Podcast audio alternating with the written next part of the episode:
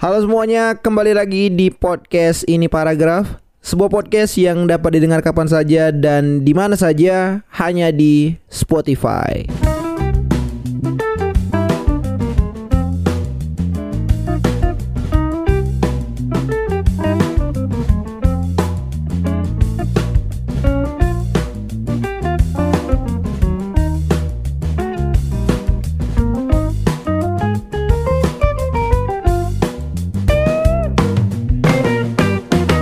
Podcast kali ini tuh aku pengen ngomongin tentang sebuah urgensi perilaku jenius menuju kedewasaan. Eh, nggak tahu kenapa teman-teman rasanya aku belakangan ini iya pengen di podcast ya, terutama di podcast. Kayaknya pembahasan menuju hal-hal yang berkaitan dengan kedewasaan itu kayaknya suatu hal yang menarik untuk dibahas gitu kan.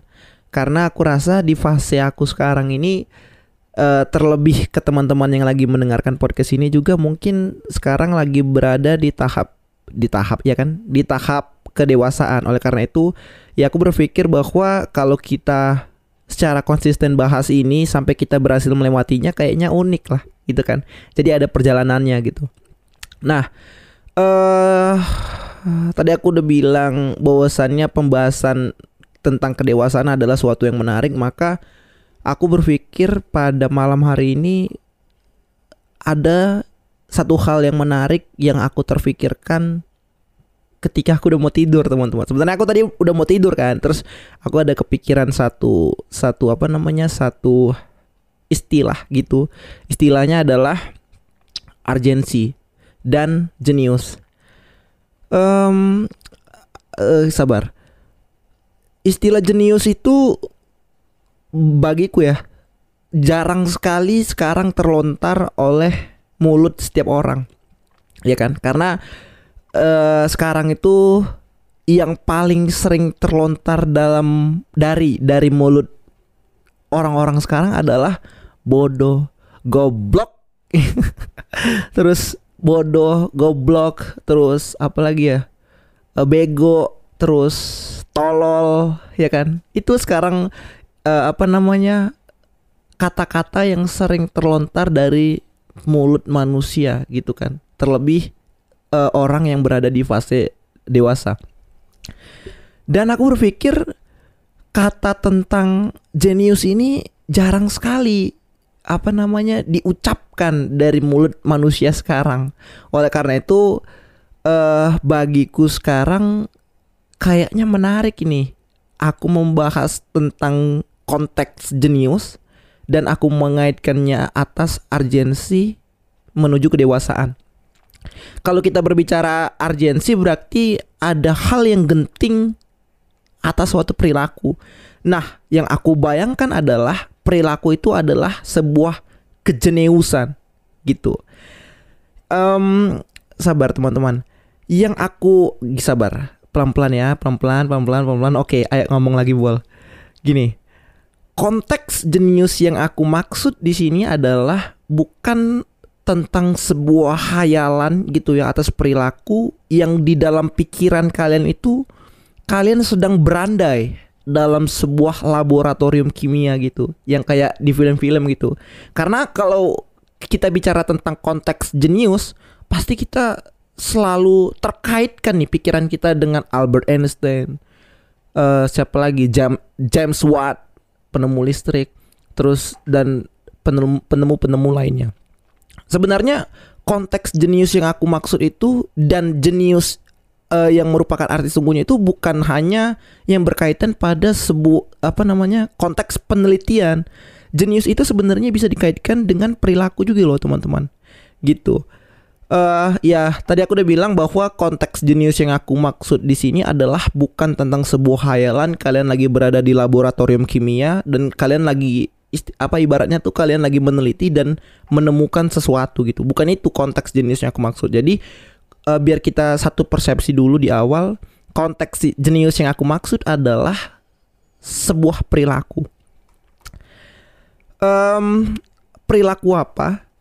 Jadi yang aku maksudnya yang aku maksudnya. Jadi konteks jenius yang aku maksud adalah sebuah kemurahan hati yang merupakan kunci dasar melewati tahap kedewasaan. Anjay. ya aku aku nggak tahu kenapa ya aku sekarang ini lagi berandai dalam apa sih namanya hayalan akan istilah jenius gitu itu yang aku lagi pikirkan di malam hari ini teman-teman um, teman-teman jadi gini. Kita harus sadar bahwa layer dari kedewasaan itu terdiri dari beberapa layer gitu kan? Layer tuh dalam da, kalau kalau dalam konteks ilmu perdesainan gitu ya layar itu kayak ada pokoknya layar tuh kayak lapisan-lapisan. Nah lapisan-lapisan. Bagi aku aku terpikir pada malam hari ini uh, sepertinya uh, konteks jenius. Eh bukan konteks jenius. Urgensi perilaku jenius menuju kedewasaan itu terbagi menjadi enam layer bagiku ya. Yang pertama adalah kedewasa eh kedewasaan. Yang pertama adalah moralitas, yang kedua adalah kreativitas, yang ketiga adalah spontanitas, keempat adalah pemecahan masalah, yang kelima adalah prasangka buruk atas fiksi, dan yang terakhir adalah penerimaan akan fakta. Di podcast kali inilah kita akan breakdown satu-satu pikiran aku tentang urgensi perilaku jenius uh, menuju kedewasaan. Kita mulai dari yang pertama yaitu moralitas. Uh, persepsi moralitas yang aku maksud di sini adalah itu mengarah pada perilaku agar kita tidak curang untuk mencapai sesuatu. Itu yang disebut dengan moralitas, moral gitu ya. Moralitas itu adalah konteks di mana kita berperilaku profesional untuk melakukan sesuatu gitu. Yang aku pikirkan adalah sebuah istilah moralitas sangat baik dikaitkan atas apa sih namanya atas project-project yang ingin kita jalankan ke depan. Ketika kita sudah berdasar atas moralitas untuk berperilaku, maka uh, inilah yang dinamakan dengan uh, urgensi jenius uh, menuju ke tahap kedewasaan. Karena tahap kedewasaan itu adalah dipenuhi oleh orang-orang yang serius, orang-orang yang tidak lagi bisa dibawa, diarahkan pada sebuah konteks bercandaan. Terkecuali kalau misalkan kalian kenal orang gitu kan, ya udah itu masih bisa lah kalian arahkan uh, kalian apa namanya belokkan ekspektasinya agar terkesan bercanda. Tapi ketika orang baru kalian ajak bercanda, nanti terkesan kalian itu kayak sok kenal, terus sok asik gitu. Nah, batasan-batasan itulah yang harus kita pisahkan agar kita memiliki sikap jenius menuju tahap kedewasaan. Itu yang pertama ya, teman-teman. Tentang sebuah moralitas. Yang kedua, adalah kreativitas. Yang aku pikirkan tentang sebuah kreativitas adalah sebuah konteks motivasi kita untuk menemukan kejeniusan itu sendiri. Karena dengan kreativitas kita akan bereksperimen untuk melakukan sesuatu yang menyenangkan bagi diri kita. Untuk untuk melewati tahap kedewasaan. Karena uh, tahap kedewasaan ini memang tahap yang penuh akan kebimbungan kebimbungan. Tahap apa namanya uh, apa sih bisa dikatakan tahap kebimbangan teman-teman. Oleh karena itu kreativitas adalah dasar kita untuk menemukan kejeniusan itu dengan kreativitas kita berpindah dari zona nyaman kita menjadi ke zona yang tidak nyaman untuk mencoba hal-hal baru lainnya. Maka dari itu menurut aku dengan perilaku kreativitas itu merupakan salah satu urgensi sikap jenius untuk melewati tahap kedewasaan. Yang ketiga adalah spontanitas. Cakep nih. Persepsi tentang spontanitas yang aku maksud dalam podcast kali ini adalah kita tidak takut untuk melakukan kesalahan. kita harus sadar teman-teman bahwa salah itu adalah hak mutlak setiap orang sebagai manusia yang memiliki akal, budi dan pikiran. Jadi kita sebagai manusia yang nggak usah takut salah gitu, apalagi uh, dalam melakukan hal baru yang belum pernah kita lakukan sebelumnya. Trial and errornya itu sangat besar gitu, berpeluang, berpotensi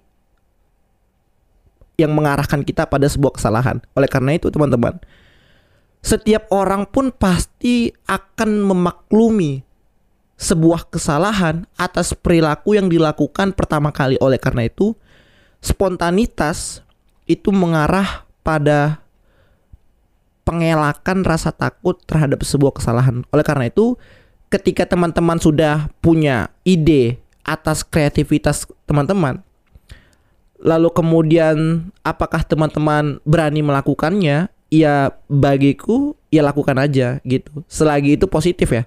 Tapi kalau misalkan kalian ngelem, narkoba, maling motor, maling pentil motor, curi ayam, terus apalagi komen-komen tidak jelas di Instagram, terus foto-foto kayak selebgram, terus apalagi teman-teman. Bagiku itu bagiku itu hal-hal yang perlu dijauhkan lah gitu kan. Karena aku aku pernah bilang juga di Instagram bahwa uh, sebuah angka itu tidak apa sih namanya tidak harus uh, serta merta uh, dijadikan kompas dalam kehidupan gitu.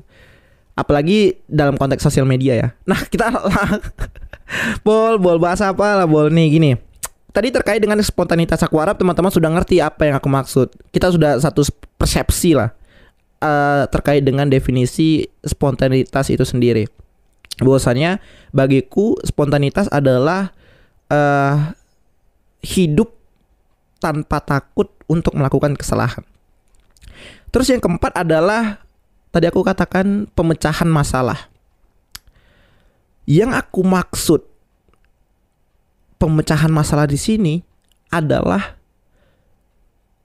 kita sebagai manusia dewasa harus bisa mengarahkan diri kita untuk berfokus pada sebuah solusi manusia dewasa menurut aku adalah uh, berbeda nih dengan konteks ketika kita uh, masih sekolah dulu.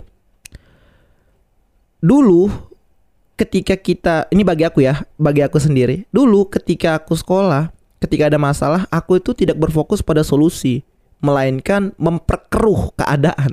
Karena apa namanya biar terkesan dramatis dan seru aja gitu kan. Tetapi sekarang aku pikir wah ini kayaknya nggak bisa lagi kayak gini gitu kan. Oleh karena itu uh, bagiku sekarang pemecahan masalah itu setiap ada masalah kita harus memecahkannya dan berfokus pada sebuah solusi. Bukan berfokus pada sebuah drama yang memperkeruh keadaan. Itulah urgensi sikap jenius uh, menuju tahap kedewasaan. Yang keempat. Yang kelima adalah kurangilah teman-teman prasangka buruk atas suatu fiksi. Berapa kali aku ucapkan fiksi karena itulah istilah yang menarik bagiku sekarang atas pikiran-pikiran yang ada di belak, di benak pikiranku sekarang. Fiksi adalah kondisi atau sesuatu yang belum terjadi, teman-teman. Oleh karena itu, uh, kita sebagai manusia dewasa harus bisa mengontrol diri untuk mengurangi prasangka, prasangka buruk atas fiksi atas sesuatu yang belum tentu terjadi. Karena jika kita pikirkan sesuatu yang belum terjadi atau kita sudah berpikiran jahat atas uh, kreativitas kita yang telah kita rancang sebelumnya maka itu akan melelahkan pikiran kita sehingga pada akhirnya kita tidak jadi untuk melakukan hal tersebut. Oleh karena itu urgensi sikap jenius menuju tahap kedewasaan di antaranya adalah mengurangi prasangka buruk. Kita harus memiliki konteks uh, berpikir maju agar kita dapat berpikir luas, memandang langit, memandang pohon-pohon, memandang planet Merkurius, memandang planet Saturn. ah, astagfirullah, aku ngantuk teman-teman sebenarnya. Ya itulah, itu konteks yang kelima. Yang keenam itu adalah ini yang terakhir ya penerimaan akan fakta cakep kali Nabol nih penerimaan akan fakta yang aku maksud di sini adalah kalian harus sadar atas kondisi yang sedang kalian jalankan sekarang. Agar ketika kalian sudah sadar akan kondisi, kalian tidak akan takut menghadapi kenyataan gitu. Penerimaan akan fakta ini sebenarnya juga baik untuk menghindar dari over ekspektasi gitu, over expectation. Karena jika kita terlalu jauh berekspektasi dan ketika kita tidak bisa mencapainya, itu akan mematahkan semangat kita untuk berbuat hal-hal baik lainnya, teman-teman. Oleh karena itu aku berpikir sepertinya alternatif yang baik untuk dilakukan agar kita tidak apa namanya berekspektasi lebih akan suatu hal maka kita harus menyadari dulu siapa kita bagaimana kondisi kita, apa saja yang kita ada dalam diri kita gitu ya. Pada artinya, pada artinya, pada intinya ya kita menuju tahap kedewasaan harus menerima segala fakta atas kepunyaan diri kita teman-teman. Agar kita tidak takut untuk menghadapi suatu kenyataan. Terima kasih. uh, teman-teman jadi uh, itu aja sih yang pengen aku omongin gitu ya di podcast paragraf kali ini. Mungkin podcastnya aku publis hari Senin ini sekarang hari Senin hari Waisak ya. Karena hari libur juga karena hari Jumat kemarin aku lagi ada kegiatan gitu jadi nggak sempat buat podcast dan pikiran aku capek gitu kan jadi nggak terpikirkan apa pun tentang sebuah suatu hal oleh karena itu uh, hari Senin ini aku berpikir sebelum tidur tadi kayaknya menarik nih untuk membahas sebuah konteks jenius uh, agar kita semakin kuat untuk melewati masa kedewasaan ini teman-teman. Uh, semoga aja uh, podcast kali ini bisa bermanfaat bagi teman-teman yang mendengarkan podcast ini paragraf. Semoga yang seperti aku katakan sebelumnya dengan hadirnya podcast ini paragraf kita bisa sama-sama melewati fase quarter life crisis, melewati fase kedewasaan agar kita terus bertumbuh dan bisa meneduhkan adik-adik kita di bawahnya nanti suatu saat. Uh, terima kasih tem. Oh ya, ya aku coba ucapin terima kasih dulu ya pelan-pelan bol pelan-pelan ini udah mau closing. terima kasih semuanya yang telah mendengarkan podcast ini paragraf uh, satu informasi juga buat teman-teman. Aku tadi, aku tadi hari ini aku juga udah publis ada video baru di YouTube ini paragraf tentang Hinduism gitu ya tentang konseptual sosialis kebaikan dari agama Hindu. Di sana aku jabarkan uh, konsep Hindu dan konsep sosialis kita agar kita bisa hidup di tengah masyarakat yang multikultur agar kita dapat tenang, damai dan tentram dalam bermasyarakat dan beragama. Jadi bagi teman-teman yang belum menonton silahkan menonton di YouTube ini paragraf dan aku harap kita bisa berdiskusi di kolom komentar. Dan ya terima kasih semuanya yang udah mendengarkan podcast ini paragraf. Akhir kata aku ucapin terima kasih. Assalamualaikum warahmatullahi Terima kasih semuanya. Sampai jumpa di podcast ini paragraf selanjutnya. Dadah.